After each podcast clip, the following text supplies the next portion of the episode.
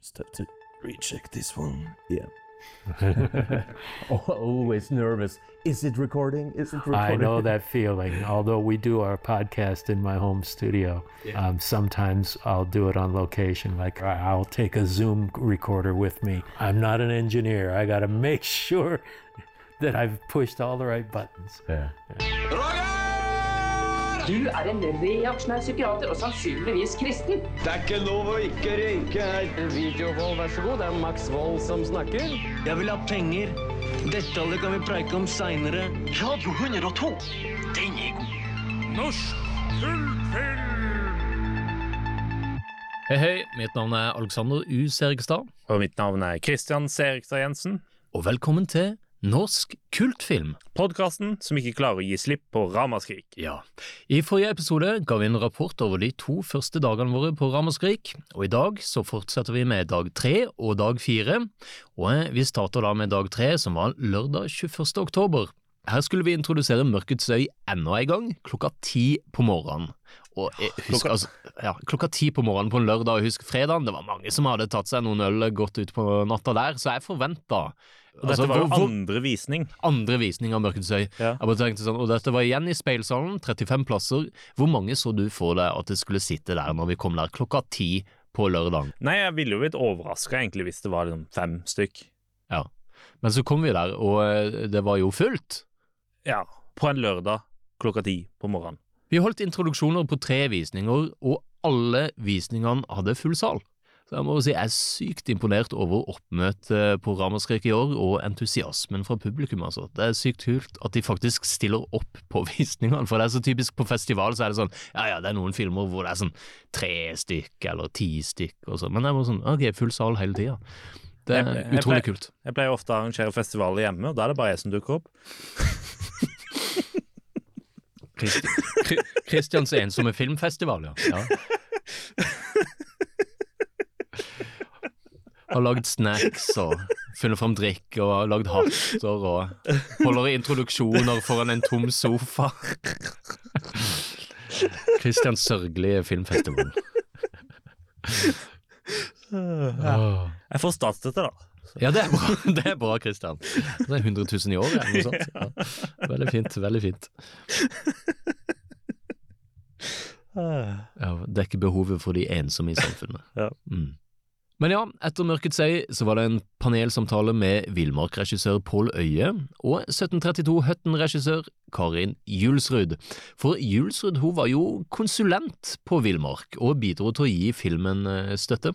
Og hun var også den som pusha mot at dette her burde være en skrekkfilm. For de første treatmentene til øyet var ikke nødvendigvis i horrorlandskapet, men mer sånn spenning, thrilleraktig greie. Så en skal takke faktisk Karin Julsrud for at Villmark blei en skrekkfilm, og også derav åpna dørene for statsstøtta skrekk i Norge. Ja, for det skulle vel være teambuilding fra helvete som var liksom eh, utgangspunktet for filmen. Eh, og det scenen hvor de finner dette teltet var jo også tidlig med i utkastet. Det var jo Når, når vi så Villmark, og, og de kom til den scenen hvor det teltet er, og Mm. de, de begynner å dra i det garnet, Ja, stemmer. Finner dette liket. ja, så tenkte jeg jo med en gang Og nå kommer de til å finne restene av Amundsen sitt fly, sånn som de gjør i Brødrene Dal og Legenden om Atlantis. Ja, så klart, så klart. Du får peila denne her også inn på KLM, altså, Kristian. Ja. Ja, for det er, det er liksom Det er samme, samme greiene. Det er nede med et vann, det er, de er et telt. Hvor er de folka i, i skjelettdrakter som danser i stemmer. vannet? Jeg husker jeg syntes det var litt eh, skummelt, jeg, Ja, det er, ikke, jeg det var er liten. creepy når de Ja. bare kommer forbi vinduet. Danserne. Jeg husker det veldig godt. 94. Jeg husker jeg så det med min gamle kompis Benjamin, som jeg har lagd mye amatørfilmer med. Men ja, nei, eh, gjorde inntrykk den, altså. Atlantis og teltet der, ja. Men det var det første du tenkte på? Ja, Når ja, du... så, så jeg satt jo bare og, og tenkte for, for i filmen, i Villmark, så har de jo det med at det er et fly som har krasja i vannet. Ja, stemmer det? Ja, det er jo litt likt. Så da tenkte, da tenkte jeg jo det at å ja, nå kommer de til å dra opp rester av flyet eller noe sånt. Men istedenfor så drar de opp et lik, da. Og det må jeg jo si er kanskje den mest effektive scenen i Villmark. Men Kristian ble skuffa for at det ikke var et fly, og at det ikke var Brødrene Dal-referanse. Ja, greit. Ja. Nei, men uansett, eh, denne samtalen med Pål Øye og Karen Jølsrud var veldig interessant. Og jeg må jo si at Villmark, selv om du ikke liker han, Christian, så er det jo en viktig film for norsk skrekk. For han viste jo at det var mulighet for å lage statsstøtta skrekkfilm, og bana vei for nye filmer som Roar Uthaugs Fritt vilt, Patrick Siversens Rovdyr, Død snø, osv. Jeg har ikke sett rovdyr ennå, faktisk. Det skal nevnes. Den har noen kule scener. Fritt vilt likte jeg, da. Ja, ja, men det er bra. Men apropos norske skrekkpionerer og sånt. For noen episoder siden så snakker vi om Norges første helaftens splatterfilm, amatørfilmen Oslo Terror. Og tror du ikke vi møtte på en av skuespillerne fra Oslo Terror på Ramaskrik? Ja, men det stemmer. Vi møtte jo på Tico Polido. Stemmer, og her kommer vårt intervju med han. Yes, nå eh, rusler vi rundt her på Ramaskrik, og der støter vi på en av skuespillerne fra Oslo Terror. Og det er ingen ringere enn Tico Pulido. Uff da. Hei. du har jo en liten rolle i Oslo Terror. Du får halsen kutta over eh, så blodet spruter. Kan du fortelle litt hvordan du ble involvert i Oslo Terror-prosjektet? Det er vi litt nysgjerrige på. Ja, hva skal jeg si. Vi, um, jeg var jo i den derre filmsamlemiljøet på VHS. Og, og gammel punker, eller ung punker som ikke hadde noe penger, ikke sant. Så jeg var med på en Jeg var med på flere klubber. Ikke klubber, egentlig, men det var en som hadde noe som heter Tirsdagsklubben. Uh, han ble kalt for Gård Thor. Ja, ikke sant? Og han spiller jo også i Mm. Oslo Terror. En litt sånn loner av en fyr. Ja. Litt, litt sånn i 30-åra kokk. Og han han hadde en diger samling med filmer. En hel vegg. Jeg tipper på veggen var det i hvert fall seks ganger to og en halv med bare filmer. VHS-er, da. Shit. Men, uh, og dit brukte jeg å dra på tirsdager. da. Og Der satt det alltid gutter og drakk øl og så på film og kosa seg. og Og hvilke filmer også? var det? Typisk. En gang jeg var der, så Funhouse var jeg på, av Toby Ja. Hooper. Toby Hooper, ja. Så det var alltid en eller annen, en eller annen i bakgrunnen. Og, men jeg var bare innom for å låne filmer. Jeg. ja. jeg hadde ikke lyst til å henge der. Nei, nettopp. Jeg var litt eldre enn de gutta der. Jeg var, sånn, jeg var 18, tror jeg. 18-19. Ikke sant? Og de var litt yngre, de som Ja, hadde ja, ja, ja. Ja, for eh, Jon Christian Møller må jo ha vært sånn 16, kanskje 17 år når han eh, ja, det var der jeg møtte han. Og det Han- var og Score Tour. Ja, ja, han uh, hadde på seg en sånn Cannibal Holocaust T-skjorte. Uh, hjemmelaget. Han hadde trykka bokstavene og, s- og stryka de på T-skjorta sjøl. Det er såpass. Så Ja. det var, og han og jeg begynte å prate, og han snakka om at han hadde en et ja, si, manus eller script til Oslo Terror. Ja. Jeg vet ikke om det var jeg som tilba meg, eller han spurte meg. Men det blei til at jeg ble filmens første offer. da. Ja, ikke sant. Ja, for det er jo Gore Tour da, som Ja, ja. på deg i en bar. Det er gårdtur. Kan du fortelle litt om hvordan den eh, drapsscenen ble lagd? Den ble veldig fort og gæli laga med eh, den største kjøkkenkniven vi fant. Og han hadde teipa selve over bladet, da, for at ikke jeg skulle bli skadet. Det var ikke noe HMS, ikke sant, for å si det sånn. Da. Og så spurte han uh, om jeg kunne ta med en kamerat. Mm. For han trengte en person som kunne blåse blod ut Ja. av et slags rør. Ikke sant, som kommer ut via festet- knivbladet? Som var festa på baksiden av nakken under T-skjorta mi. da. Ja, nettopp. Og kameraten min David han lå på bakken og blåste ut øh, blod, da, mens jeg ble skåret strupen. da. Ikke sant. Og David, hvem, eh, det var en kompis av deg? Ja, en god kompis av meg, da. Vi, insisterte på at uh, han skulle stå på takkelista på slutten av filmen. da. Thanks to David for the blowjobber, da. Men uh, det, det ble ikke noe av, da. Men uh, Nei, så det var, det var sånn det skjedde. Og det ble filma mer eller mindre 50 meter unna leiligheten til Gore Tour. da. Ja. Jeg husker ikke om jeg så noe skript eller manus eller noen ting. for å være helt ærlig. Ja. Jeg syns det var ganske stas, da. Mm. Så jeg dro på Last Train og var fullt av blod. og... ja, rett etter opptak? Ja, ja, jeg syntes det var litt sånn stas. Jeg var litt stolt til og med. ikke sant? Helt til jeg så filmen. Da Da var jeg ikke så veldig stolt. da. Hvordan var første møte? Hva var situasjonen når du så Oslo Terror første gang? Helt forferdelig. Han hadde lagt på et lidspor uh, mens jeg tusla ned i gata av Guns N' Roses. tror jeg det var. Welcome to the Welcome jungle. to the jungle. Ja. Helt forferdelig. Selv om jeg liker bandet, det er ikke det. da. Men, jeg vil ikke bli assosiert akkurat med det. da. Men det var jo hans film. da. Så. Ja. Men lånte du filmen da, eller fikk du den kopiert, eller? Nei, jeg fikk aldri en uh, fysisk kopi. Jeg spurte om jeg kunne få en, men jeg fikk den aldri. da. Nei, nei, Jeg hadde sikkert fått hvis jeg hadde mast, da. Men, uh, da jeg så det ferdige produktet, jeg syntes det var så flaut at jeg ville ikke ha noen ting med filmen å gjøre. ikke sant? Hvorfor Hadde dere en samling hvor dere samla sammen alle som hadde jobba på det, og så filmen sammen? I noe hjemme hos Gård 2, for eksempel? Det er meget mulig. Jeg var kun med den ene scenen. Hva som skjedde etter det, har ikke jeg peiling. Mm. Men når du så han første gang, var det i setting med andre som hadde vært med i filmen? Eller Det var hjemme hos, øh, hjemme hos en kamerat av meg som heter Svein Franseth. Han Ja. tegna coveret til Oslo Terror. Og det er han som tegna coveret? ja, for han også drev med sånne videoutlån og sånne ting. Ja, ikke sant. Ja, for jeg har alltid tenkt, jeg har alltid tenkt at Oslo Terror-posteren den var sikkert knabba fra et eller annet annet sted, men eh, så det var Det er, det er Det var han det er som hadde tegna originalt? Nei, nei. Han, han, var jo, han var jo tegner, da. Han jobba på et firma som het uh, tidlig på 80-tallet som het Nitt Blekk. Det var det? Nitt, Nittblekk. Det var de som lagde de gamle plakatene til Bootleg, blant annet. Ja, de, ja, der Dark Throne spilte live. Ja, ja. Ja, ja. Og jeg jobba der en kort periode, men øh, jeg kan ikke tegne eller noen ting, da. Men øh, ja, det var en annen sak, da. Han spilte også i Black and Decker og Confused Minds, som dessverre gikk bort for, da- for da noen få år siden av kreft. da. ja nettopp. var litt, litt for ung, da. Men i utgangspunktet så Jeg hadde ikke noe mer med filmen å gjøre i det hele tatt etter det opptaket der. Har du sett den i nyere tid? Jeg har en kopi hjemme på DVD-R, kan du si, da. På DVD-R? Av en hemmelig kilde. Ja, ikke sant. Med Drillboard-massakren og alt det der, da. Ja, ja, ja. Fra en hemmelig kilde jeg ikke vil nevne. Og ja, det var like flaut nå, da. Men litt moro. Det eldre man blir, så kan man akseptere fortiden, på en måte. da. Ja, ikke sant? Forsoner du deg med Så det litt kult nå, da, men da var det kjempeflaut. da. Forståelig.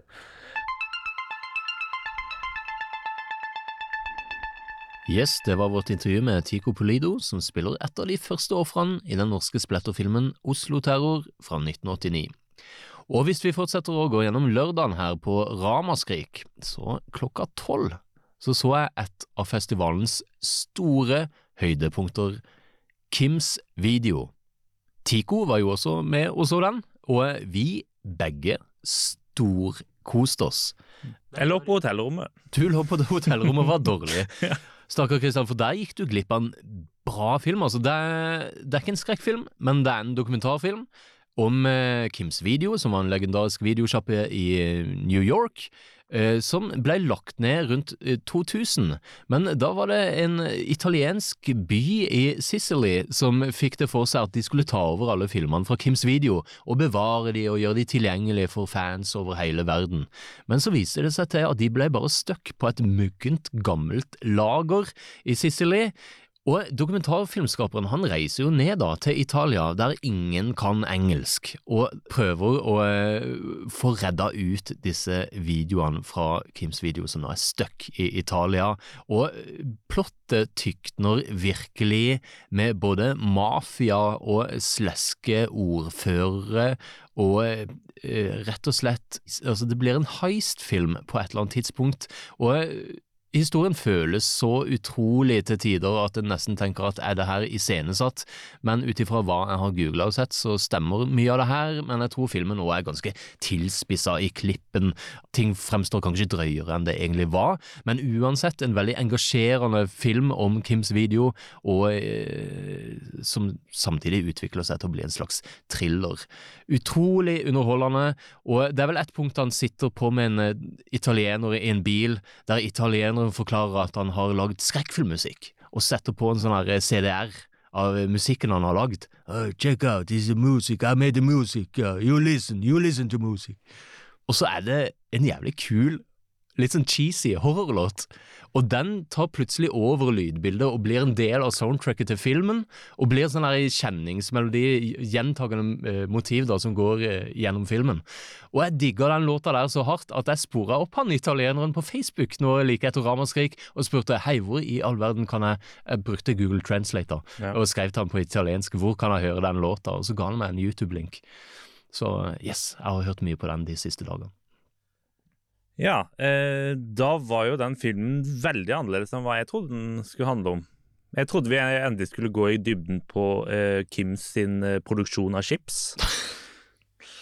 Og kunne endelig liksom kunne snakke litt om de julekalender og Kim som Ja. presentert. Og Ja, ikke sant, ja. Dybdehistorie om Kim. At Kims- dette var Kims video. Ja. Kims Chips presenterer. Her kommer Kims video. Endelig kommer vi til bunns i hvordan ble Kims etablert. Ja, det hadde vært noe å vise på Ramaskrik. Nei. Men nok om Kims video. Den er jo ikke norsk, så vi skal ikke gå så i dybden på den. Men fy faen, sjekk den ut. Vi skal ikke gå i dybden på den, for det har vi allerede gjort. Men så var det duka for norsk skrekk-kortfilmprogram. Syv filmer ble vist, og disse ble vist i den nye Allsalen. Og vi kan jo gå gjennom de én og én. Ja, for alle disse er norske. Alle disse er norske. Og først ut var Septic-heksen, regissert av Anders Elsrud Hultgren. Kan si plottsynopsis her i programmet. I kloakken under Bergen forsøker en mikrobiolog å avdekke en forurensning av drikkevannet. Uh, ja, det er kort fortalt, og for å utbrodere litt mer, så kan vi si at det, det viser seg jo til at det er noen sånne okkulte greier som foregår nede i kloakken der, med noe hekseri og gufne greier. Dette er jo da fra regissøren av spillefilmen Morgenrøde, som jeg faktisk har på DVD, men som jeg ikke har sett ennå. Eh, der spiller jo Ingar Helge Gimle en av hovedrollene, og det er en liksom postapokalyptisk film. Eh, og han Hultgren står også bak en ganske kul kortfilm som heter Hospital Dumpster Divers, som føles litt som en sånn Arthouse Trauma-film. Men for å snakke om Septic-heksen der, eh, 13 minutter lang greie, veldig slow burn, stemningsfull, eh, bra foto, okkult greie, men jeg føler den filmen der aldri tar liksom helt av. Den er veldig vellagd og profesjonell, absolutt, men jeg skulle ønske den smalt mer. Hva syns du, Christian? Den ga meg egentlig ingenting, den uh, filmen. Jeg, den var sånn Jeg tror det var det at det var for mye feiding mellom bildene. Mm. Og ting oppå hverandre og øh, det, Ja. Den er jo veldig sånn uh, kunstnerisk. Det virker som han prøver å gå inn i landskapet til Andrej Tarkovskij i en film som Stalker, for eksempel. Stalker. Litt Ja. mer Arthouse enn uh, Ja, pure sja- sjangerfilmer, liksom. Ja, så det Altså, det, det, Jeg sier ikke at det er en dårlig film, men det var bare ikke helt for meg. Så uh, jeg skal ikke ta noe Jon Selås og gi den terningkast én, for det, det er ikke min type film. Ikke sant. Nei, men i det minste en profesjonell film, uh, som var med meget godt foto. Neste film ut var The Walk, regissert av Pål Gustavsen. I programmet her så står det Det er en kald høstkveld, og en mann går en sen kveldstur på en øde vei, men han er ikke alene. Og eh, for å utbrodere mer hva som skjer her, han møter jo da på ei lita jente med kaninmaske, så enda ei jente med kaninmaske, og til slutt en maskert mann med våpen. Og det her eh, framstår jo som en sånn amatørfilm lagd på en kveld etter de har fått en sporadisk idé. Litt sånn middels ok foto. Filmen er ikke så lang, han går fort unna, men er òg veldig fått glemt, for min del i hvert fall. Jeg er veldig glad for det at det er flere enn én person som han møter opp. For det er jo sånn han går, hvor du møter én person, forsvinner, forsvinner vekk, går videre, møter på en annen person. Det er liksom ikke den samme personen som har teleportert seg framover. Nei, Det er, Som det først kan virke som. ja, det er det det virker som, fordi de har på seg samme klær og samme maske og alt det greiene der. Mm. Og så, eh, men så ser du hele den familien. Eh, så akkurat det setter jeg pris på. Mm. Men det aller siste bildet kunne de bare droppa. Det er når han, når han øh, faren går tilbake og dreper eh, Hovedpersonen som da ligger på bakken. Ja. Ja, det, er sånn, det har- er helt unødvendig. Det er ingen grunn til å ha det bildet der. Og nå har vi vel spoila hele filmen. Ja, men det er ikke så veldig mye annet å si om filmen. Nei, det er, det, det er begrensa hva en kan si, og den er fem minutter lang. Og kan du si, Den er jo regissert av Pål Gustavsen, som vel står bak Blodklubben, som pleide å ha sånne filmquizer, skrekkfilmquiz på Røverstaden eh, for noen år siden, mener jeg husker. Ja, Hva er Røverstaden? Røverstaden det er faktisk på der Klubb 7 var før i tida, altså borte ved Oslo eh, konserthus. Vika. Ikke så langt fra Nationaltheatret. Okay. Da går vi videre. Neste film da var Lake Sunshine 1989, som er da regissert av Philip Koren, 14 minutter lang. I programmet så står det To bestevenner er på hyttetur til Lake Sunshine. Etter en uventet telefonsamtale vil livene deres bli forandret for alltid. Og du kan si, det er, det er jo litt sånn 80-tallsinspirert prestige, det her. Filmen starter litt sånn køddete i tonen. Det er liksom pastellfarga 80-tallslogo, humoristiske, overdrevne replikker, litt sånn typisk Det er en galehuspasient som har rømt, men eh, bare hold dere inne, så går det nok bra. Altså, tonen er litt der, ikke sant, men eh, når først denne her galehuspasienten dukker opp, så blir filmen plutselig veldig seriøs, plutselig, eh, og ikke minst brutal. Det er jo noen splettereffekter her med halsbiting og blodsprut, og disse effektene ser ikke så verst ut, altså. De er jo utført av eh, Inger Lina Johansen Torbjørnsen, som også er kjent som Bringebærdrøms FX. Frem det er det hun kaller seg på Instagram, i hvert fall. Eh, jeg har jo fulgt litt med på effektene hos henne der i forbindelse med Norwegian FX-dokumentaren min. Men uansett, hun er jo en fremadstormende special makeup effects-artist, og eh, hun får jo vist fram litt eh, blod og gørr her. Ganske dyktig. Men jeg føler filmen, altså tonen til filmen faller litt mellom to stoler, for den starter liksom litt som en køddete parodi, og så prøver han plutselig å være seriøs. Jeg vet ikke, hva syns du om filmen, Christian? Nei, altså, jeg syns starten er jo kjempegøy, og jeg, jeg liker veldig godt starten. Uh, det, det er litt problemer med den effekten de har putta på, på hele bildet. Den får, får det til å bli litt mer sånn 80-talls VHS-ete. Ja, du snakker om den der liksom sånn VHS, eh, sliten VHS-kassetteffekten der det ser Ja, ut som fargene er forskjøvet ut ifra liksom Ja. rammen. Og, og det er jo sånn at når du ser liksom et nærbilde av et eh, ansikt, så har liksom leppa, leppefargen har glidd over på tenna. Mm. Eh, så ser det litt rart. Altså Helt øverst i bildet eh, så ser du at effekten ikke er Den burde vært liksom oppskalert 1% til for å dekke hele toppen. Det er en sånn strek helt øverst Ja, nettopp. som ikke skal være der. Det er, det er en teknisk slurvefeil, rett og slett. Ja. Men også er det én ting til, da. Mm. De er jo inne i en hytte på slutten der. Mm. Og det er veldig tydelig at uh, de ikke hadde råd til å knuse ruter. For den hytta har jo verdens største vinduer, som morderen da ikke knuser for å komme seg inn. Som eh, ville vært det mest logiske å gjøre. Mm. Uh, Istedenfor så sniker han seg inn i en åpent vindu, istedenfor den der gigantiske jævla vinduet som står der. Ja. Hvor du forventer at han skal hoppe gjennom eller knuse eller et eller annet. Ikke sant? Det er litt skuffende, akkurat det. Ja. Men det var vel for dyrt å knuse det vinduet. Ja, ja, det, Det det. ja. Absolutt. Ikke sant? Nei, men det var den, altså Uh, Underholdende, i det minste. Lake Sunshine 1989. Og så kommer vi til Morild, som er jo da en ny musikkvideo for Kvelertaks låt Morild, regissert av Fredrik S. Hana. 14 minutter lang.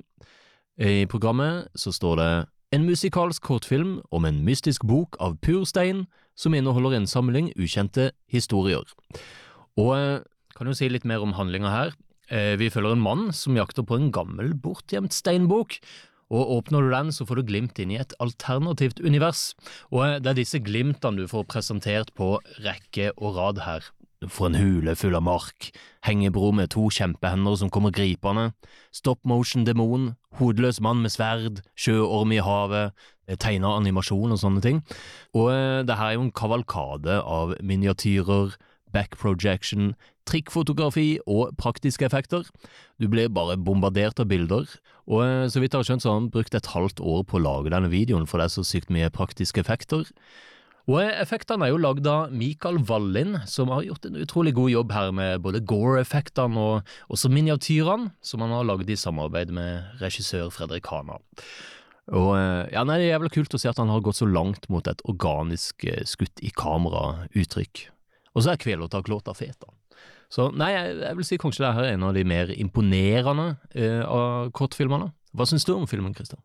Den filmen skuffa meg stort. Ok. For det, det var to ting jeg forventa Ja. eh, når jeg hørte eh, tittelen Morild. Morild, ja. ja.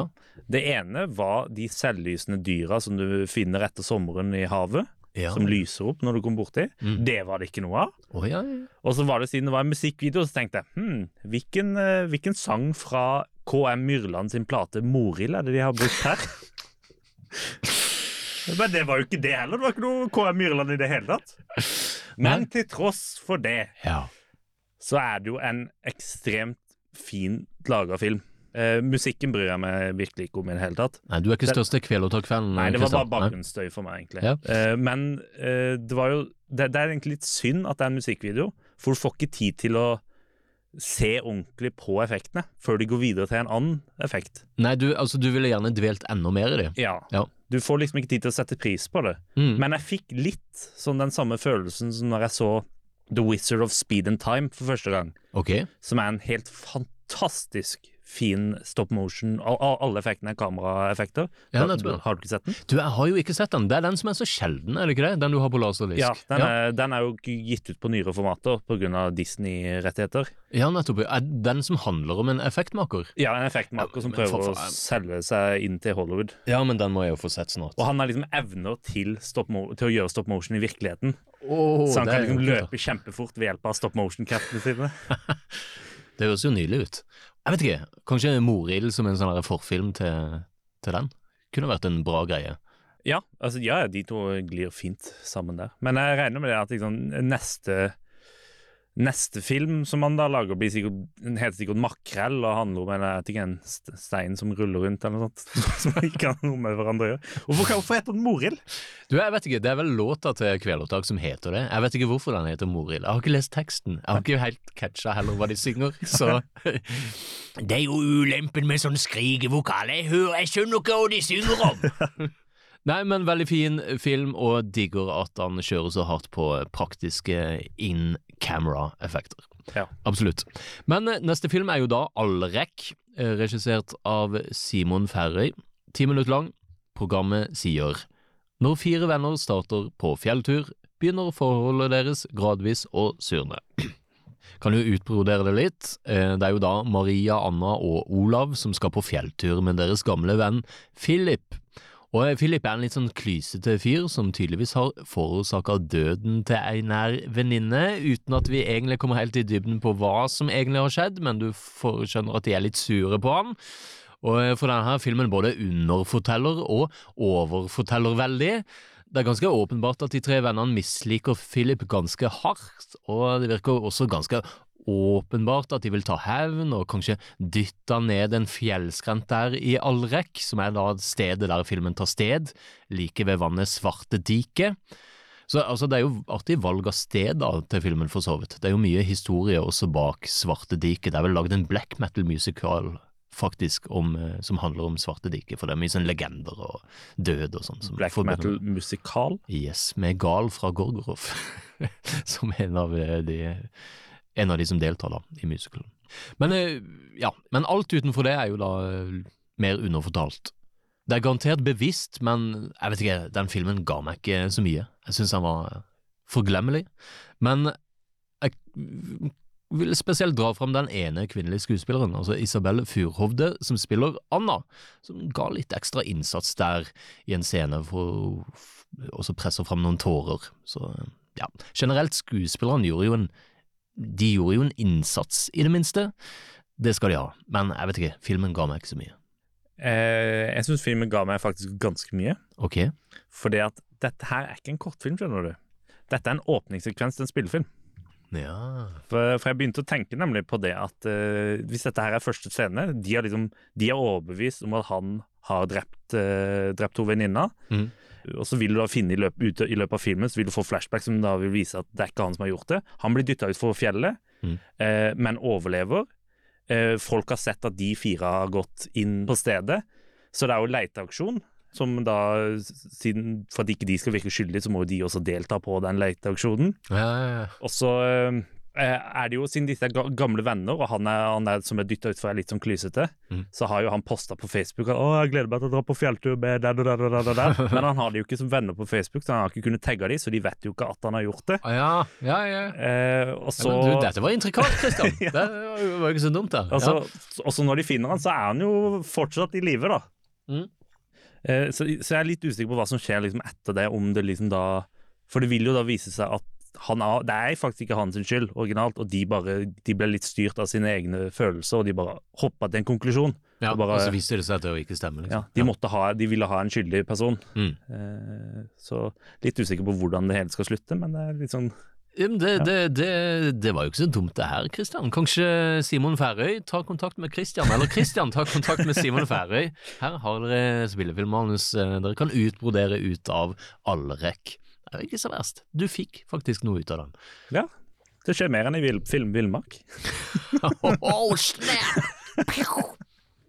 Det må være lov, Villmark er jo så populær. Ja, ja, den har tjent nok penger. Ja. Men neste film ut var Riverso av Magne Steinsvold, 13 minutter lang. Programmet sier en skitten liten fortelling om hvordan livet kan bli annerledes når spillegalskapen slår til. Den er jo da regissert av Magne Steinsvold, som sagt, og han var jo korregissør på juleskrekkfilmen O hellige jul, som Kai Olsen name-droppa i intervjuet vårt med han. Og denne har jo mye av den samme litt sånn rå, vulgære, sorte humoren, med litt sånn gale bygdefolk. Og eh, jeg syns det plottsinnprosesset her var litt sånn upresist, for det handler vel mer om eh, en far og en sønn som har eh, kidnappa ei dame, og så er det rivalisering mellom far og sønn, da. Ja, ja for det er det som jeg har litt problemer med den filmen. Det er egentlig plottsynopsiset og starten. For de fokuserer så jævlig mye på spillegalskap, Mm. men det har jo ingenting med filmen å gjøre i det hele tatt. Det er ikke så mye det det handler om, nei. Det er mer den der kidnappingsgreia. Ja. Men, men kan du si litt mer eh, om tonen til filmen her? For den, skuespillerne er jo temmelig karikerte. Men det er jo i tråd med tonen på filmen, som er jo litt sånn her eh, sort komedie, bygdetullinger eh, som eh, herjer på bygda. Og jeg vil jo si, skuespilleren her er jo veldig dedikerte til rollen og gjør jo faktisk en innsats, og det er mange gullkorn blant sitatene her. Og jeg tror enten så har han sansen for denne her filmen eller ikke, og jeg syns han var gøy, og jeg tror du også syns denne var litt gøy, Christian, kanskje hakket gøyere enn meg. Jeg hørte at du lo mye underveis på visninga av denne her. Ja, men den filmen her syns jeg var dritmorsom. Den er jo Den føles jo egentlig Altså Hele det der kidnapping-subplottet i kortfilmen kunne, Jeg syns egentlig man bare kunne fjerna det. Og så bare Hvis de skulle hatt noe, noe som folk ble sinna For at de skulle bli sinna, så har du jo spillegalskap-biten. Ja. Det er som du allerede etablerer i starten. Mm. For da man, man burde ikke hatt flere enn de to karakterene, syns jeg. Ja, jeg syns det funka det med kidnappingsbiten. Det var jo det som ga litt sånn eh, dynamikk og action i filmen, da. Ja, men de begynner altså- å krangle om eh, kidnappingsofre og alt. Ja, men de, de kunne gjort den på, um, med andre ting. Mm. Eh, og så er det jo Det blir litt sånn som den der eh, Jeg fikk litt samme følelse som den Sveits-kortfilmen til Erik Smith-Meyer. Ja, stemmer det. Regissøren har svidd Nei da. Ja. Det er, det, er, det er to karakterer som er rare mennesker. Og de er vel også i slekt. Brødre er de vel i Sveits? I, i Sveits er, er de brødre, ja. Ja, og i Riverso så er det liksom Det er far, far og sønn. Far og sønn, ja. Og de, eh, ja, nei, de er, de litt sånn samme tonen. Litt sånn der eh, skrullete folk ute på bygda, og, eh, og deres skrullete dagligliv. Det, det er spesielt en, en setning i, i, i filmen her, eller er litt mer enn en setning, men eh, hvor, som jeg liker veldig godt. Og det er det at eh, sønnen har jo flytta inn hos faren, men eh, siden faren ikke har betalt strøm, så får jo ikke sønnen sett på alle cowboyfilmene. Så for, for å, siden han ikke får sett det på TV, så kler han seg heller ut som en. Det er sånn, Å ja, så jævlig logisk. Stemmer det. Og det er jo John Wayne som er jo da det store forbildet. Jeg hadde jo håpet at han skulle si Morgan Kane. Ja, Det ja for, for å fornorske det, Det forankre jo- det enda mer i det norske, på en måte. Det ville jo også passa i forhold til den den norske kortfilmen, at du har en litt sånn eh, ikke den tynneste personen i verden som er cowboy.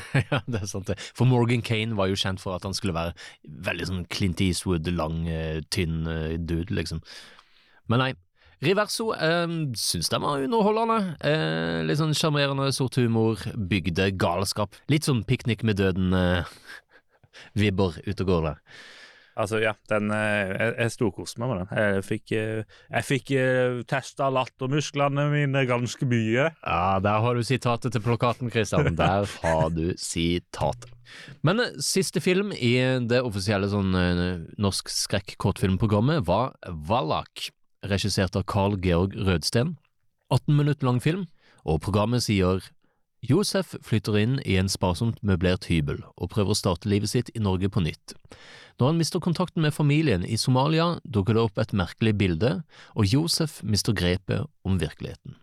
Kan si sånn Førsteinntrykk her av denne filmen var at det er en ganske profesjonelt gjennomført film. Fint foto, veldig god hovedrolle, spilt av Hamza Kader. Syns han var veldig flink.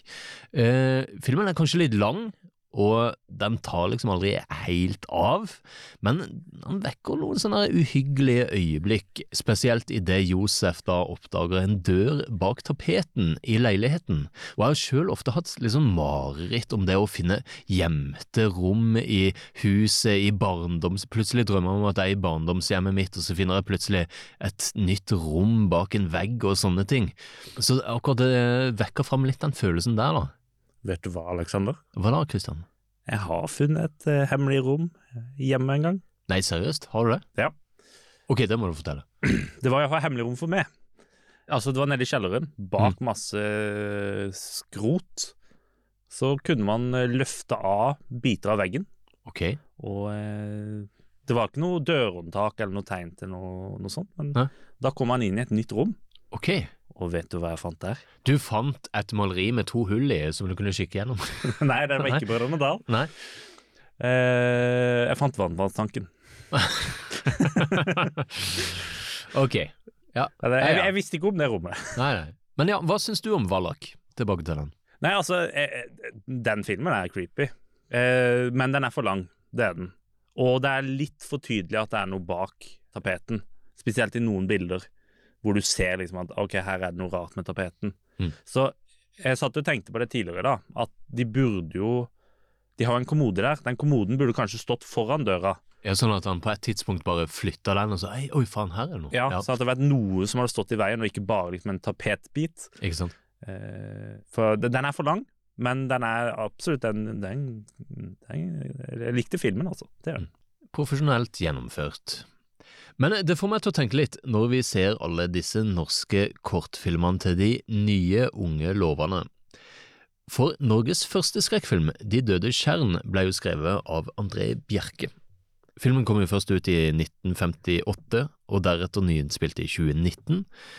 Ellers så har du jo André Bjerkes bok Enhjørningen, som ble filmatisert som Klokker i måneskinn i 1964. Men så har han jo skrevet bøker som Skjult mønster, Nattmenneske og ikke minst Døde menn går i land, og spesielt sistnevnte bare skriker etter å bli filmatisert. Så hvorfor har ingen gjort det ennå? Bare en liten sånn oppfordring fra meg til alle dere unge, nye, lovende filmskapere. Ta og filmatiser Døde menn går i land.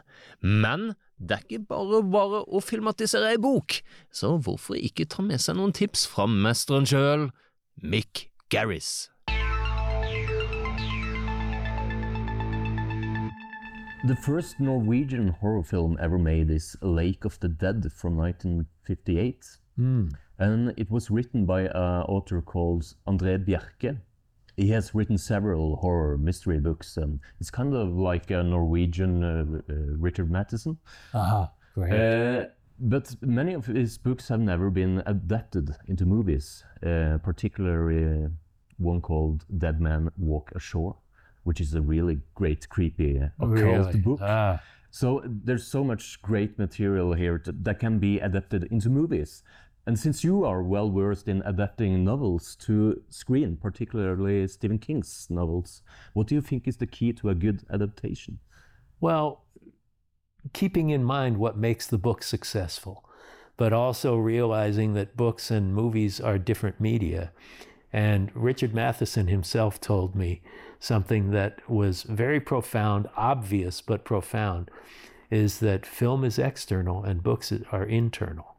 But, um, you know, trying to make something from the written page where you can go into how the mind works and into your thoughts and and motivations and the like whereas with movies you have to do it from the outside in and figuring out how to make something written into something cinematic is the challenge. But Stephen King for example writes in a very cinematic way despite there being a lot of internal dialogue and a lot of of emotional content and character content that is internal um, it's also heavily plot driven. So finding the elements that make the book work and keeping those, you know, in in the case of King in particular and other adaptations, if you're working from a bestseller and you decide, oh, I want to change this and that and this and that, the further you get from what King wrote, the shittier your movie is going to be. Now, there are times, like Riding the Bullet was an exception because it was based on a short story and inspired the full length feature that I wrote in with King's complete cooperation and enthusiastic support. But, um, you know, realize you're making a movie and not just bringing a book to the screen. And a movie is propulsive and kinetic and, and has to have an energy that a book doesn't have to have all the time. You can become thoughtful and pensive in a book and spend page after page on a character's thoughts and motivations and, and emotions and sensibilities. And in a movie, you can't do that. And a lot of it has to be expressed through dialogue or really fine actors who know how to express emotions without having to speak them. Yeah. Yeah. Great answer. and a nice guide to uh, future filmmakers that that want to try to uh, adapt any of André Bjerke's uh, books. Yeah. Here's the yeah. template.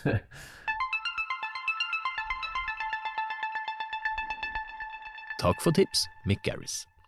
Og etter kortfilmene dro vi og så Roar Uthaugs blockbuster Troll. Og det var litt spesielt, for at den er jo ikke Det er jo en Netflix-film, så den er jo kun lagd for å bli vist på Netflix, og ikke for kino.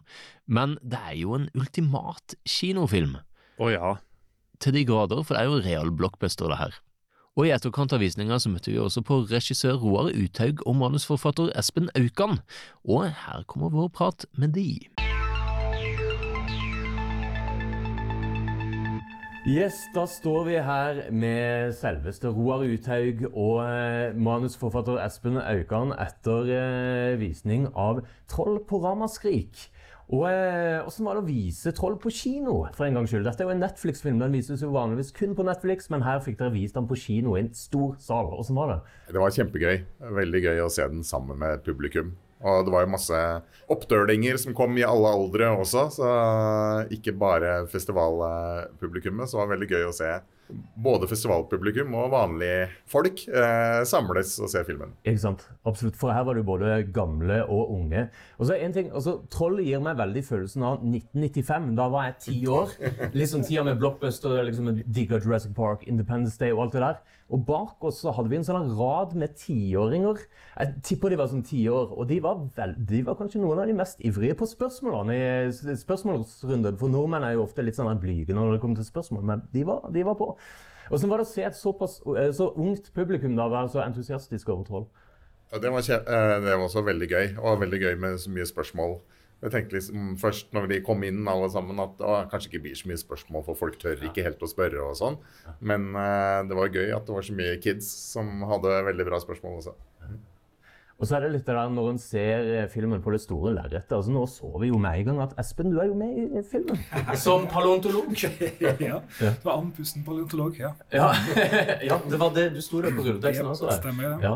Hvordan, eh, hva er din følelse med å se det foran et publikum her? Du, jeg syns det var helt fantastisk. Det er så gøy å se det med, med folk, og ikke bare med kona hjemme i stua, liksom. Eh, så ja, det blir liksom en annen film, rett og slett. Du, merker på hele salen hvor mye de er med, og ja. Ikke sant? Du får den umiddelbare responsen. ja. Eh, og ja, og jeg må si nå, uh, når vi så Troll i Storsalen, så kommer også Ja, lemner det deg på Blue Hawaii. Litt, eh, der hørte han litt tydeligere enn jeg klarte å få han opp på stereoanlegget mitt hjemme. Så det var gøy. Men uh, hvor mange kinovisninger har det vært av Troll, egentlig? Sånn, hvor unik var denne visningen? Ja, den er ganske unik, for dette var vel den femte gangen vi har vist den en, eh, for et publikum da, eh, utenfor Netflix. Vi hadde en eh, premierevisning på Colosseum for liksom, stab og skuespillere. Og så var vi på en liten turné eh, hvor vi viste den til de som jobber på Hundefossen og hjalp oss der, på Lillehammer. Og så var vi oppe i Lom og viste den eh, eh, som kommunen organiserte der, fordi de hjalp oss også mye under innspillinga. Og så har Espen hatt en visning på Fredrikstad bibliotek, med et lite filmbad der. Ja. Så dette ble den femte. Ja, det, er, det er unikt. Det er unikt. Generelt, hvis dere skal summere opp kort, hvordan har Ramaskrik vært i år for dere? Oh, eh, jeg er så sliten, men det har vært helt fantastisk.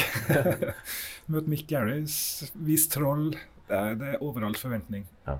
Og Glimrende òg eh, den eh, samtalen du hadde med Mick Harrison. Ja. Det må jeg bare si. Takk, takk. Storkost meg. Men også veldig gøy at det har vært sånn fokus på norsk skrekkfilm eh, i år. da. Ikke Ikke og minst. at det har henta fram gamle eh, klassikere eh, som Høtten og Villmark og sånt. Så, og at det har vært liksom fullstappa saler Det er, de noe av det, det er noe av det største som overrasker meg. Vi, skulle vise, eller vi viste jo 'Mørkets øye' klokka ti i dag. Jeg tenkte sånn Ja, det kommer sikkert to stykk. Ja. Full sal.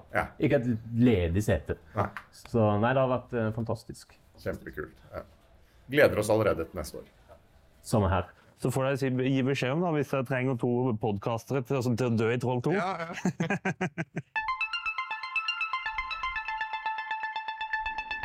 Nei, Det var veldig hyggelig og gøy å se igjen Troll. altså Den eh, det gjorde seg på storskjerm. Jeg må få lov til å bare påpeke det at uh, han manusmannen, altså Mm. Espen Aukan ja, Jeg får lyst til å si Aukrust hver gang når jeg ser det navnet. Espen Aukrust. Ja, Det hadde glidd så mye bedre. Kan, kan, kan ikke du bytte navn?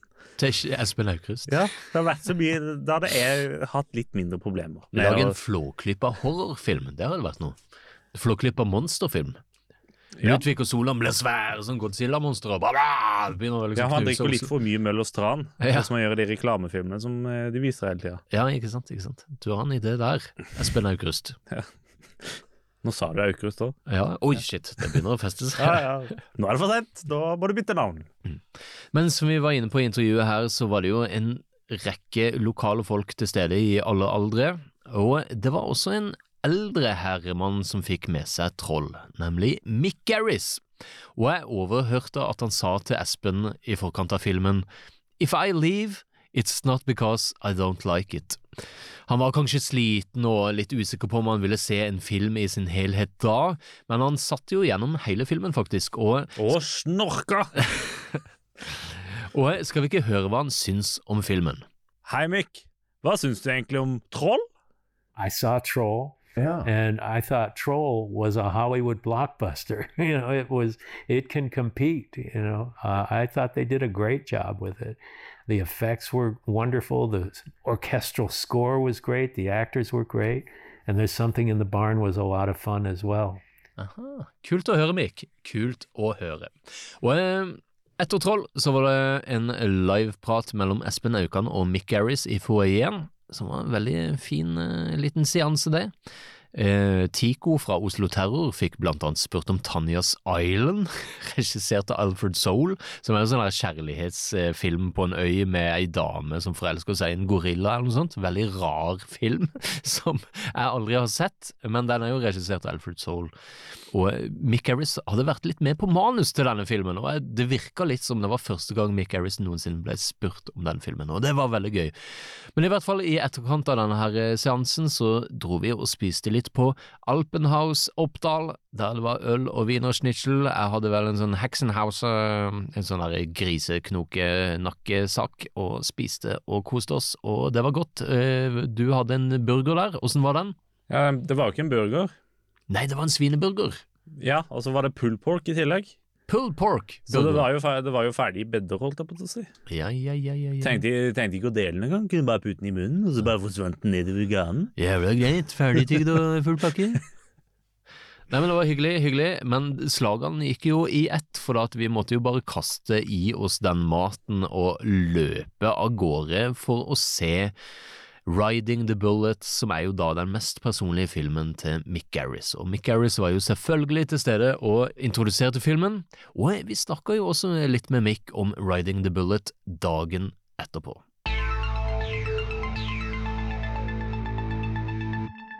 I saw Riding the Bullet for the first time yesterday. Ah, great. And uh, I really liked it. It's- Great. It, it was weird because the sound, everybody's voice was higher. Okay. And it, it- you know, they sounded like chipmunks. and there was some weird compression. Whenever the music would swell, it would disappear. And Uh-huh. all of the loud noises all in the mix were way down. So Okay, yeah. It was very strange experience. Yeah, when you say it, the lead actor, uh, his voice is kind of pitched. It's kind of high, but Yeah. it's not that high. I saw myself and I, you know, I don't speak that high. My voice isn't low, but it's not that high. But yeah, I really liked it. It kind of make me think about Stand By Me because they're Yeah. both kind of road movies. road movies that go for more heart than horror. Yeah, you know? absolutely. Um, and that was when I was pitching it. I was pitching it as more Stand by Me than Shining, but Mm. but it's more of a horror film than Stand by Me. Yeah, absolutely. But I I love Stand by Me. It's one of the best movies I've ever seen. Not just King movies, but period. yeah, Yeah. I really love that movie. Was- Yeah. It's a good movie about friendship. Yeah, about friendship. And I think it's something that everybody can identify with because everybody's been 12 Yeah. and everybody's done things that they don't want their parents to know about at 12 and and and friendship through really complicated times that you can only share with those friends and nobody else. Mm.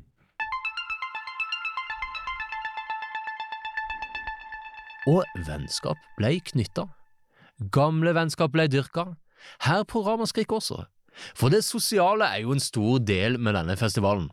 Det er sjelden den er på et norsk hotell som er fullstappa av skrekkfilmfans. Altså, du kan ha en dypt relaterbar samtale med en, den tilfeldige personen som står rett ved siden av deg, og, og det er veldig fint. Så Snakker du med en person til venstre der, og så snur du deg til høyre, og så står det enda en skrekkfilmfan der, som du antageligvis kan ha ganske lange, fine samtaler med.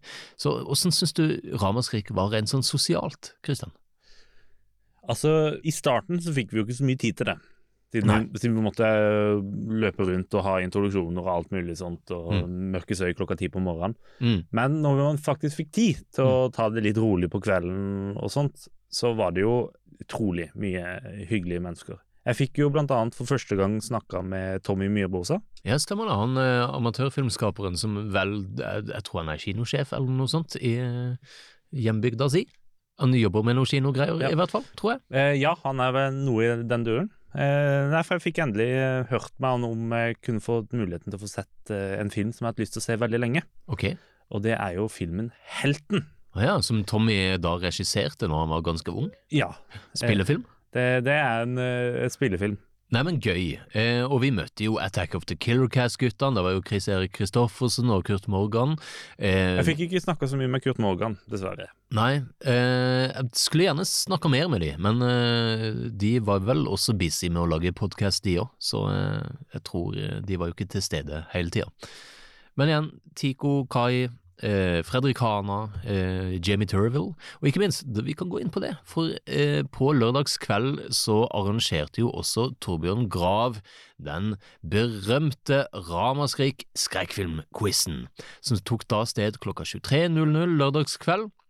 Det var vel totalt 27 lag, og vårt lag, som blant annet besto av meg, deg og regissør Fredrik Hana og manusforfatter Jamie Turville, vi gikk jo da for lagnavnet 1732 Domus.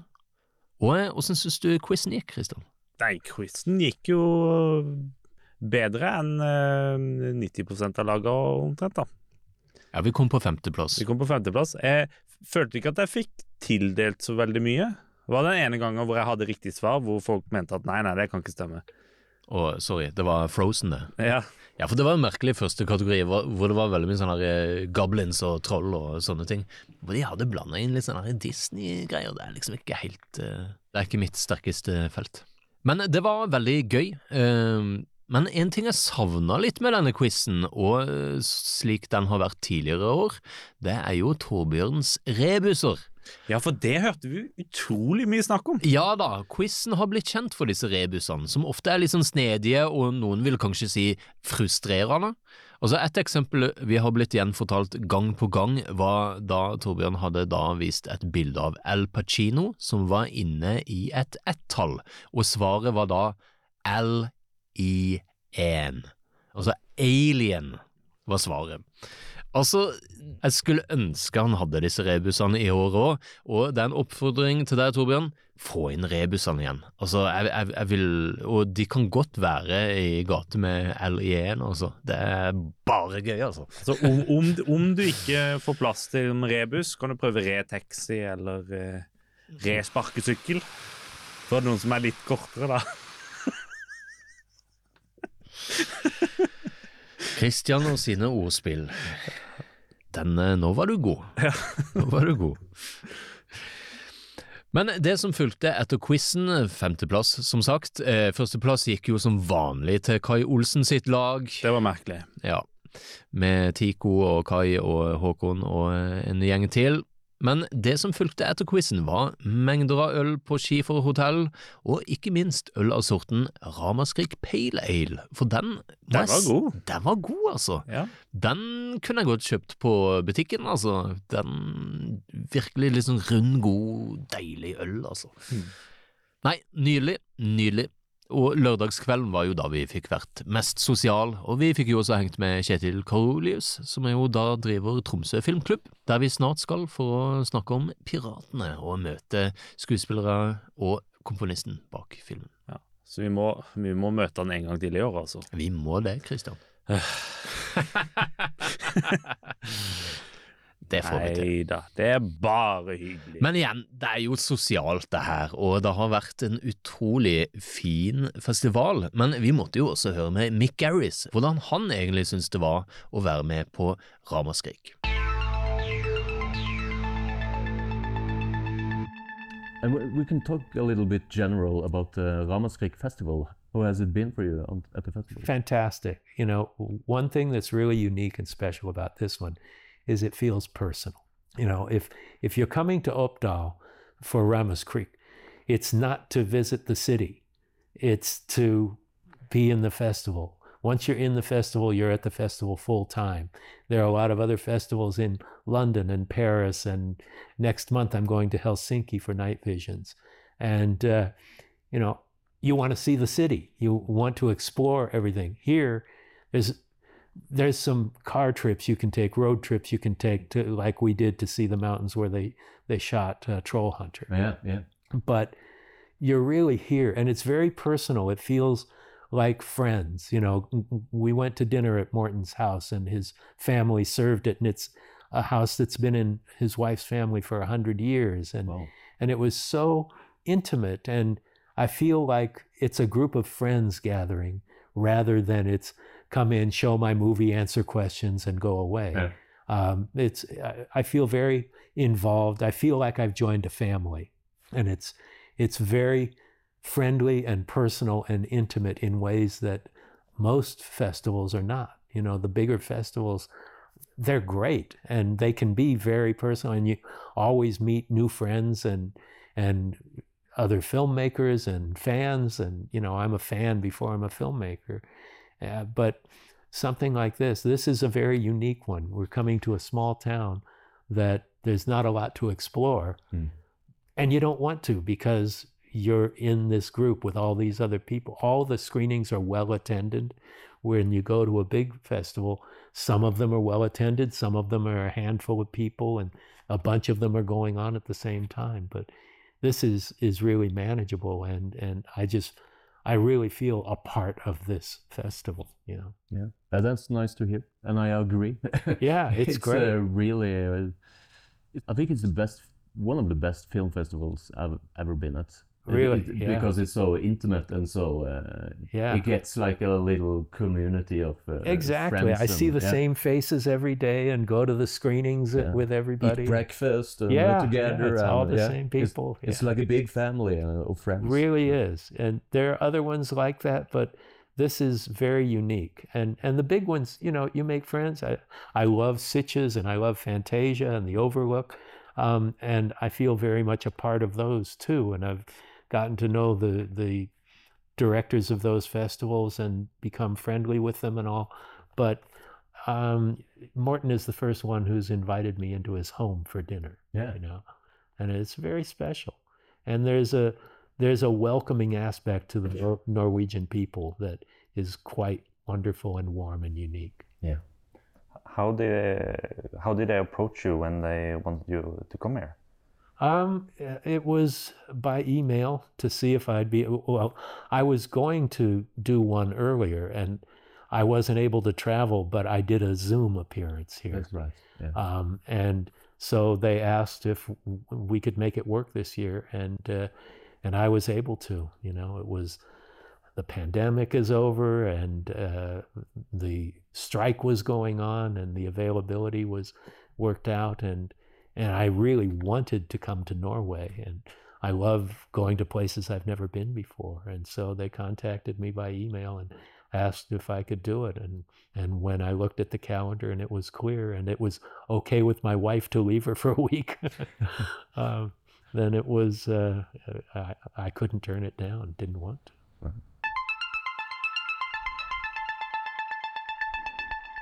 Så var vi kommet til siste dag, søndag 22. oktober. Vi så den franske edderkoppskrekkfilmen Vermin. Men en av grunnene til at vi så Vermin, var jo også fordi at de viste en norsk kortfilm som forfilm til denne, og det var filmen Speilvendt.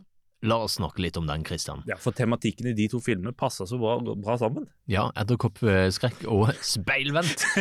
Men uh, speilvendt er jo da lagd av uh, ganske unge folk på Filmfabrikken i, på Oppdal kulturhus, og den er jo også filma på Oppdal kulturhus. Eneste stedet hvor det er barnearbeid fortsatt i Norge. Ja, men var ikke du også på sånn videoverksted på Samsen kulturhus i Kristiansand og sånn typisk? Jo, jo Ja. fil filmverkstedet. Stemmer Ja, det. det er ofte der det starter, vet du, der de ser ok, hvordan skal vi lage det her, hvordan skal vi få det her til å funke. Men de viste jo da en eh, kortfilm som het Speilvendt. Ganske sympatisk av ramaskrik å liksom sette den opp foran en ganske solid eh, horrorfilm som Vermin, liksom. Så er bare sånn ja ja, nei, hva for film til Vermin, liksom?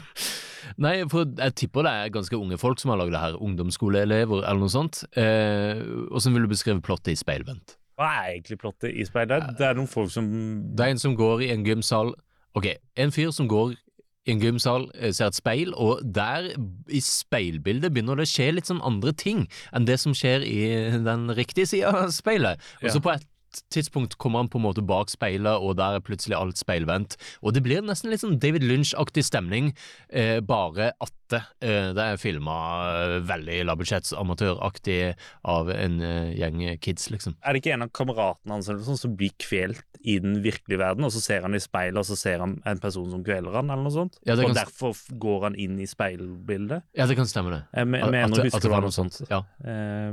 Nei, Spelvendt er jo en amatørfilm, men uh, litt sånn søtt at de satte den opp uh, som forfilm. det de ikke gjorde, var å introdusere den.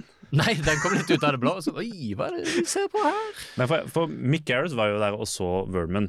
Ja. Uh, for det var jo rett etter at vi hadde gjort intervju med han. Ja, ja, ja. Og det var litt av greia også, at vi skulle rekke å se Vermin. Ja, vi skulle alle tre se Vermin, liksom. Ja. Så vi, vi er ferdig før det, så skal vi gå bort etterpå. Tok følge med han og greier. Og så Ja. siden det ikke var noen introduksjon Heldigvis var den filmen teksta, da, i det minste. Men Ja. det var jo ingen introduksjon, så jeg var litt nysgjerrig på hva han tenkte.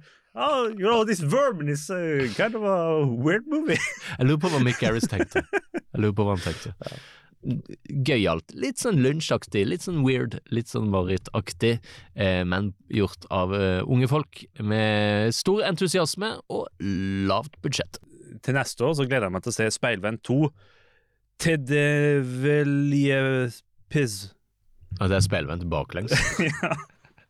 Så det, det, det, det, det er det toen må hete. Ja. Men for å si litt kort om Vermin også, da. Ganske intens edderkoppskrekkfilm. Må være helt jævlig å se for folk som har arachnofobi. Har du arachnofobi, Christian? Absolutt. Ja. Men edderkopper på film har jeg ikke noe problem med. Nei, du har jo lagd en sjøl, Tingen Ja. Edderkoppen. Tingen Edderkoppen. Én og to. En og to, ja. Ja, ja, ja. Og nei, edderkoppfilmer er kjempegøy. Og så kan du si kort hva filmen handler om. Det er jo en eh, ung fyr som bor i en blokk, og som er veldig opptatt av reptiler og sånt, og så får han tak i en veldig sånn sjelden eh, edderkopp fra en ørken, men den er jo superduper giftig, for å si det sånn, og den biter folk og eh, legger egg inni huden på folk, sånn at det sprer seg og klekker nye edderkoppegg, og det plutselig er hele blokka fullt av livsfarlige edderkopper, og det er, ja, det er mange effektive scener her også. Ja, altså jeg, jeg likte den filmen eh, egentlig ve veldig godt, eh, til tross for eh, edderkoppfrykten. Mm. Men det var to ting som jeg håpte på da i løpet av filmen. For det er jo sånn at det er som de sier i filmen, at barna til edderkoppen blir sånn ti ganger så stor. Og det fortsetter jo bort Mm. igjennom. Så de blir bare større og større. og større, og større. Så jeg håpte jo på at man kunne få litt sånn, litt sånn The Giant Spider Invasion. Med at du har liksom en gigantisk edderkopp som hvor beina er liksom på størrelse av et menneske som knuser gjennom et vindu og alt mulig sånt. Ja, eller som Tarantula fra 50-tallet, som er en nydelig monsterfilm. Ja. Og så øh, Den er lenge Den må jeg få sett igjen, Å, faktisk. den er bra. Den er sykt bra. Jack Arnold, mener jeg det. Han samme som har regissert uh, uh, The Incredible Shrinking Man. Er ikke, vent litt. Er, nei, for Clint Eastwood er ikke med i den. Oh, han er med i Return of Jo, jeg tror han er med i Jo, Tarantula. jo, han- jo det, er hans, det er den og Return of the Black Og- Lagoon som er hans Ja, to første filmer. Som er som regissør. Ja. Men Ja. uh, igjen, altså, jeg må si filmen var veldig effektiv, og faktisk til den grad at Nå skal du høre her, Kristian. For natt til tirsdag, da våkna jeg opp eh, svett som bare det. Livredd. Eh, og det jeg husker, er at jeg sjekker etter edderkopper i madrassen. Og så slo det meg Nei, men Alexander. 38 år gammel. Har du fått mareritt nå? Jeg fikk mareritt av vermin. Jeg fikk faktisk mareritt av vermin, og det syns jeg var litt koselig. For det er sånn Jeg er tolv år gammel igjen. Jeg fikk mareritt. Ja. Ja, for det, det var jo på grunn av den filmen. Jeg trodde det var edderkopper i madrassen overalt. Jeg sjekka, jeg husker jeg våkna opp, sjekka liksom i liksom, tøyet i madrassen for å se etter Ja. edderkopper. Og så før jeg kom til hektene og skjønte oi faen, jeg har hatt mareritt. Jeg har fått mareritt av vermin, shit! Men de har jo noen scener sant, hvor, hvor de kommer rundt overalt, og så plutselig så er de gjemt inni et håndkle. Og de kommer fra de mest irrasjonelle krinker og kroker. Bare sånn, «Æ, Der også, liksom. Hva for faen, da? Så ja, men den var faktisk ganske effektiv. Og sånn sett et verdig punktum på festivalen. Mm. Men vi kan summere opp. Hva er din favorittfilm i løpet av festivalen, Christian? Det er egentlig tre filmer som jeg liker på litt forskjellige grunner. Mm. Men det ene er jo Kritos 2. Nydelig film. Den, er, den blir jeg aldri lei av. Den, er, den har jeg jo på lastisk på japansk utgivelse. Ja. Så har du jo kortfilmen Riverso, som er, det er en kjempegøy film. Den, er, den, den kan jeg se på nytt og på nytt. Den passer liksom inn i universet til eh, Svid. Ja. Eh, også selvfølgelig, en som da kjapt blir en av mine favorittnorske filmer, er jo 1732 Høtten. Mm. Ja, men Det var veldig fint eh, gjensyn med den. altså. Ja. Perfekt. Og Jeg har bare sett den to ganger. Ja, Men ikke minst, eh, ikke minst så kom han spesielt godt eh, fram på kino, altså med ordentlig godt lydbilde, for det er veldig mye detaljer i både musikk og lydetterarbeidet der. Og det slo meg bare hvor jævlig intens han er mot slutten. Hvor egentlig voldsom og kraftig den filmen faktisk er. Ja. Når han i starten er ganske sånn sorthumoristisk i tonen. Ja, og så det er jo, sånn som vi for så vidt ikke har nevnt, er jo all humoren som er i kamerautsnitta. Ja, Plassering av karakterene og alt det greiene der. Det er kjempemye morsomt der. kløktige kamerautsnitt, og veldig sånn ofte bestemte utsnitt fra fotograf Philip Øgård der Eh, men ja, Alexander, hva var dine favoritter? Du får ikke lov til å si Villmark. Jeg kommer heller ikke til å si villmark. Men eh, altså, filmen som overraska meg mest, eh, var Kims video, dokumentaren. Jeg syns den var helt nydelig. I tillegg så syns jeg også at 1732 Hutton-visninga var utrolig rørende og fin. Eh, Beste gjennomsynet jeg har hatt av den filmen. Og det var jo litt morsomt, for jeg satt jo ved siden av regissør Karen Julesrud gjennom hele filmen. Ja, ja, Så- skryt litt mer at du fikk sitteplass. Mens du måtte sitte på gulvet, stakkar. Ja, det var liksom enten det, du kunne tatt eh, plassen ved siden av meg, og så er det sånn Ja, Karin, du får sitte på gulvet. jeg, var, jeg var en gentleman. Ja, du var en gentleman, du satte deg på gulvet, Kristian, så det, det var veldig fint. Men det var liksom gøy å høre hvor hun lo i løpet av filmen og sånt. Og, ja. Men jeg merka også at hele salen var ganske sånn stille mot slutten der, inntil rulleteksten begynte å, å rulle. Så nei, det var flott. Eh, Kims video 1732 Høtten. Og av de norske kortfilmene, siden du dro fram Riverso, så vil jeg kanskje dra fram Morild, eh, Kvelertak-musikkvideoen, som er- var en fin hyllest til gamle praktiske effekter. Men som tidligere nevnt så har jo norske filmklassikere lansert et bokprosjekt også, der de skal gi ut bøker om ikke bare 1732 Høtten, av, eh, som skal da bli skrevet av Christian Krogstad, men også en bok om villmark, som Christer Bakke Andresen skal skrive, og Fritt vilt, som da vil bli skrevet av Helene Aalborg. Og alle disse tre bøkene fortjener å bli fullfinansiert og utgitt, så jeg oppfordrer alle til å gå til bidra.no slash bok og bare slenge inn 250 kroner der, så får du deg en kopi av boka attpåtil. Og alle disse tre forfatterne var jo også på Ramaskrik. Jeg fikk snakka med Christian Krogstad kort eh, etter visning av Høtten, og jeg så også at han drev og snakka med Karin Julsrud der på et tidspunkt, så krysser fingrene for at den Høtten-boka kommer ut. Men før vi runder helt av, la oss snakke med sjefen sjøl. Mick Garris. Nei, ikke Mick Garris, Christian. Vi skal snakke med Morten Haagensen, festivalsjef for Ramaskrik.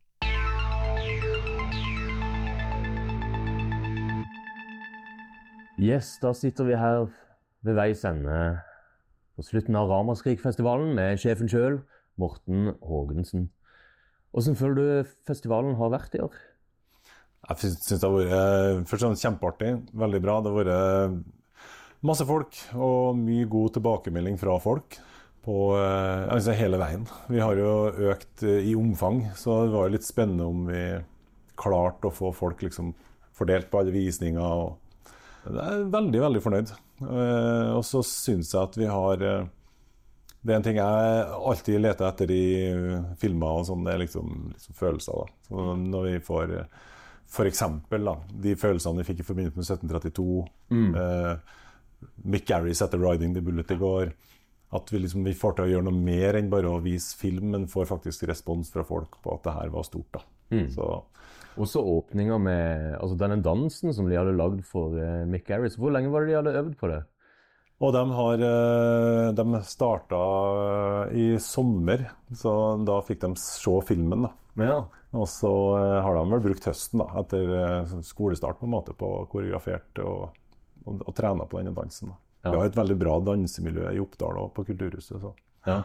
Ja, nei, jeg de, var jo veldig flinke. Mm. Og eh, det var veldig fint å se hvor rørt Mick Harris ble av det. Mm. Og synlig rørt, liksom. Mm. Så eh, Nei, vi, eh, det, det syns jeg har vært helt fantastisk. Hva, hva, hva, hva syns du, Kristoffer? Første år på Ramaskrik. Ja, altså jeg håper jo ikke det blir siste år. Nei, det hadde vært veldig gøy å komme Ja. hjem. Men jeg, jeg, jeg kommer igjen bare på én betingelse. Mhm. Og det er at de fortsetter å vise den Domos-reklamen. Ja. ja. Den For den er så fin. Jeg, kan glede meg at det er andre året allerede. da. Fordi de, eh, de syns den var så bra at vi må ta den et år til. Så, eller at de ikke da fikk laga en ny. Vi får se. jeg, jeg hører det er flere som har lært seg den utenat og driver og repeterer den hele tida. Ja, nei, det, det er jo som informasjonsfilm. De betaler for å få, plasser, for å få reklamen sin ut. og da... Ja. Den er ja, nei, kjempekoselig å, å se. Eh, og vi eh, hadde jo eh, fokus på eh, norsk skrekk her i år med Vi- Villmark sitt 20-årsjubileum. Hvordan har responsen vært blant blant publikum på det her? Dere spurte meg i stad om hva jeg tenker etter festivalen. Og det med å få fokus på de norske filmene det har vært eh, et prosjekt jeg jobba med hele år, med utgangspunkt i Villmark sitt jubileum. Og Vi hadde litt ulike ideer på hvordan vi skal gjøre det, så endte vi opp med det samarbeidet med dere. da, og, og både, altså Ikke minst Troll òg, som Mm. måtte vise på kino, men også Villmark. Det har vært kjemperespons. Mm. At vi klarer å få overfylt sal med 1732-høtten klokka tolv en fredag morgen i Oppdal. Det, det, er, det er helt utrolig. Og samme med Villmark, at vi fikk vist den på 35 mm. Og, nei, så det har vært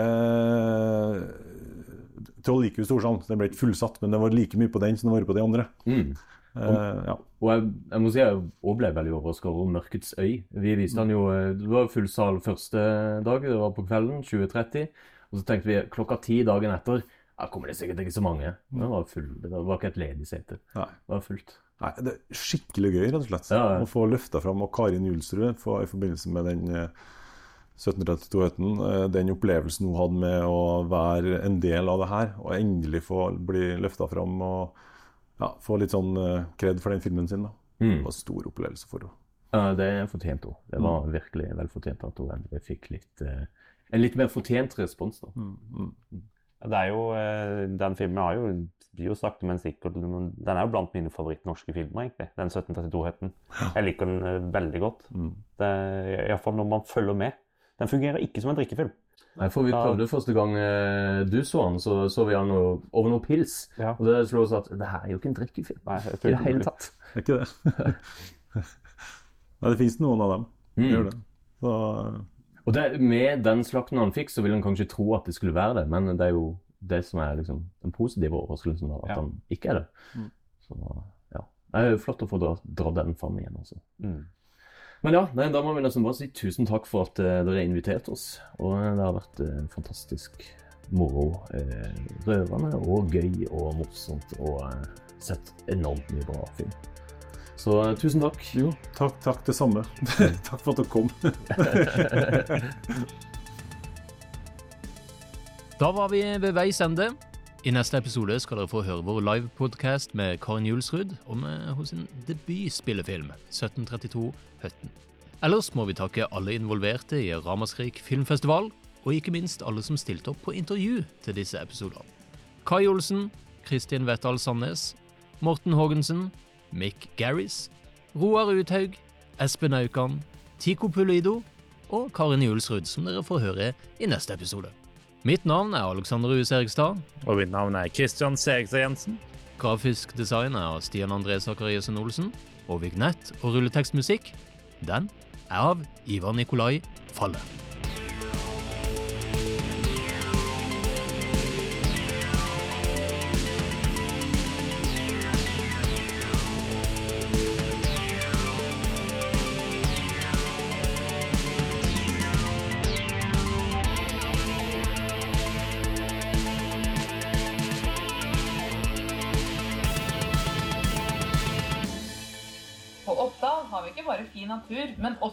Norges flotteste kjøpesenter.